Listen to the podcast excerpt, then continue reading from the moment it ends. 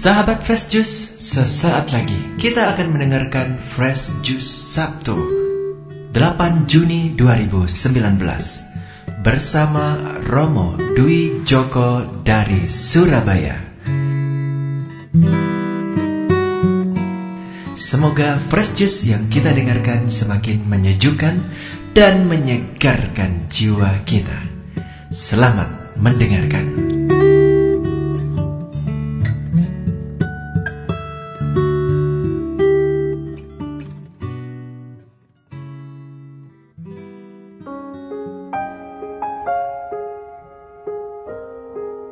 Para sahabat Fredsus yang terkasih, selamat pagi, selamat berjumpa kembali, salam damai dalam kasih Tuhan.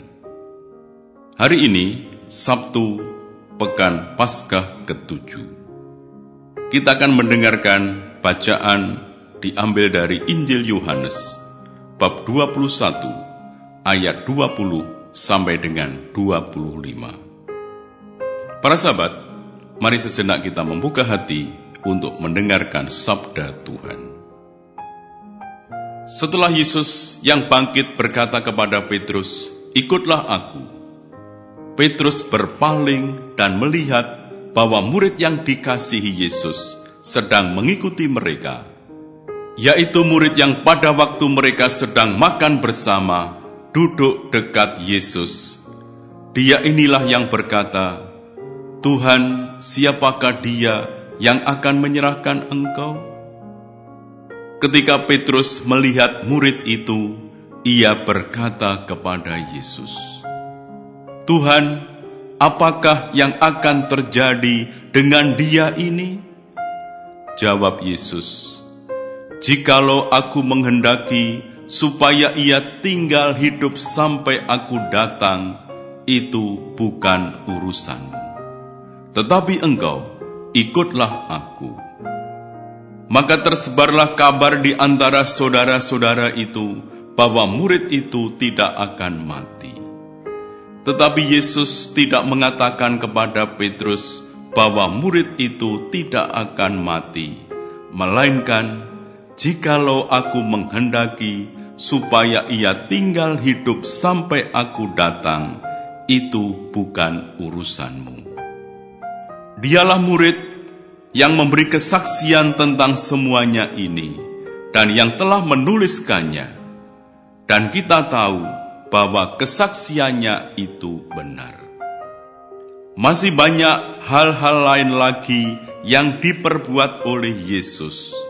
Tetapi jikalau semuanya itu harus dituliskan satu persatu, maka agaknya dunia ini tidak dapat memuat semua kitab yang harus ditulis itu. Demikianlah Injil Tuhan.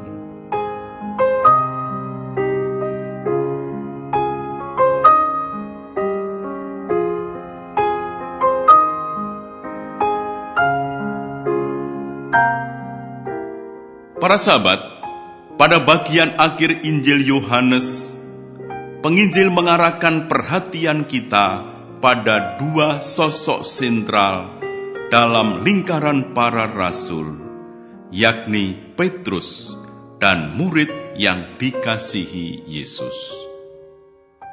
Keduanya dipanggil oleh Yesus untuk menjadi muridnya.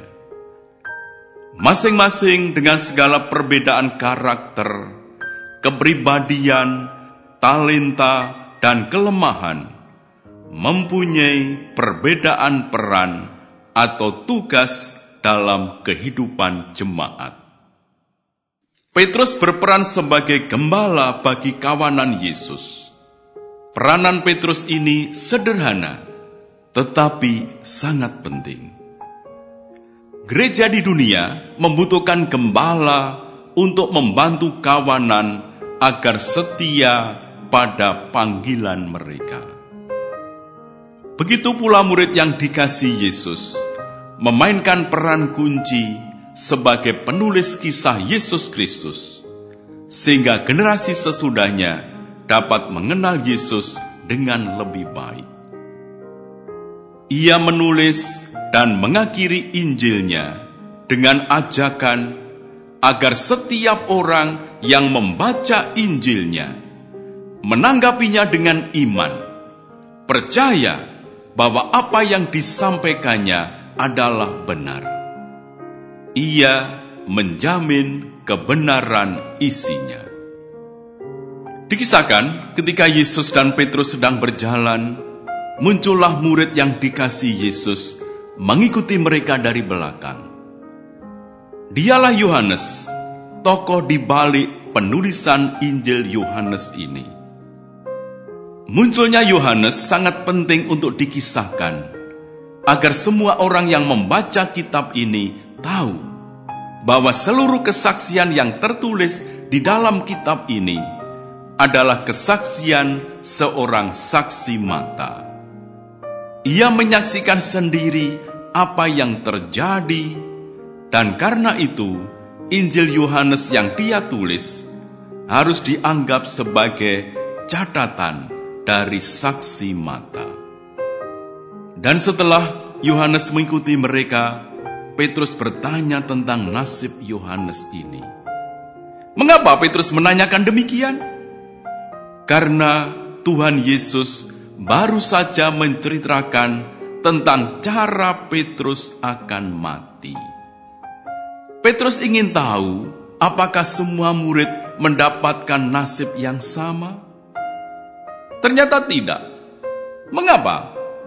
Karena Yohanes tidak mati sebagai martir. Tetapi Tuhan Yesus mengingatkan Petrus bahwa keputusan Tuhan atas hidup mati orang lain bukanlah urusan Petrus.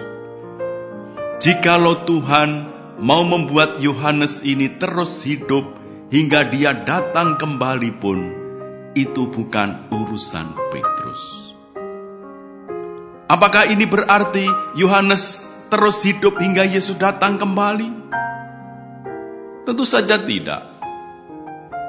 Tetapi kalimat Tuhan Yesus ini menjelaskan mengapa Yohanes terus hidup hingga usia yang sangat lanjut. Dia terus hidup ketika para rasul yang lain semua telah mati. Semua telah dibunuh dan menjadi martir. Hanya dia yang tersisa dan terus hidup. Mengapa Tuhan membuat dia terus hidup hingga usia lanjut? Supaya dia menyaksikan apa yang dilihatnya di dalam seluruh kitab. Bahkan lebih dari itu, Tuhan akan mempercayakan kepadanya kitab lain lagi yang akan mengisahkan peristiwa kedatangan kembali Sang Mesias. Yesus akan datang kembali ke dunia ini, dan Yohanes menjadi saksi yang mencatatnya di dalam sebuah kitab. Baik Injil Yohanes maupun kitab Wahyu adalah dua buku yang ditulis oleh Yohanes. Yohanes menjadi tokoh kunci untuk mengaitkan kehidupan Yesus dan para murid dengan kehidupan kita sekarang ini. Tentu saja, tulisan Yohanes ini bukanlah sebuah kisah masa lalu.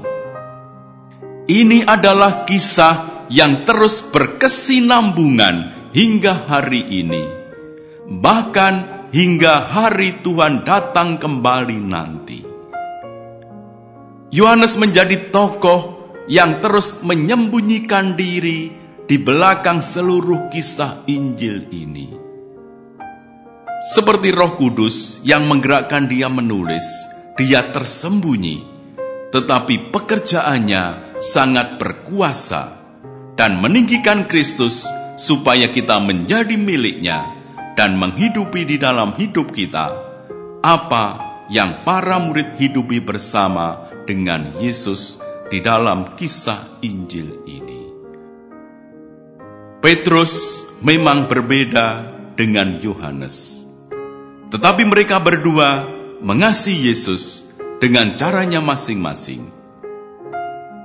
Inilah kenyataan dalam setiap komunitas Kristen. Persatuan menghasilkan kasih. Kasih menerima kekasan masing-masing pribadi. Para sahabat, belajar dari perutusan kedua tokoh ini, kita bisa menangkap pesan penting bagi karya pewartaan gereja.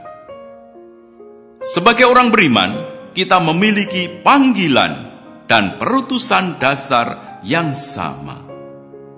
Kita bisa mewujudkan tugas itu sesuai dengan kemampuan dan kesempatan yang kita miliki. Peran ataupun tugas apa pun memiliki nilai yang sama dan sungguh berharga di mata Tuhan. Bila semuanya itu dijalankan dengan penuh kasih. Para sahabat, pada hari terakhir novena Pentakosta ini, marilah kita mohon agar Roh Kudus menolong kita, supaya kita dapat melanjutkan karya kasih Yesus, membangun dunia baru yang penuh cinta kasih dan kedamaian. Marilah berdoa.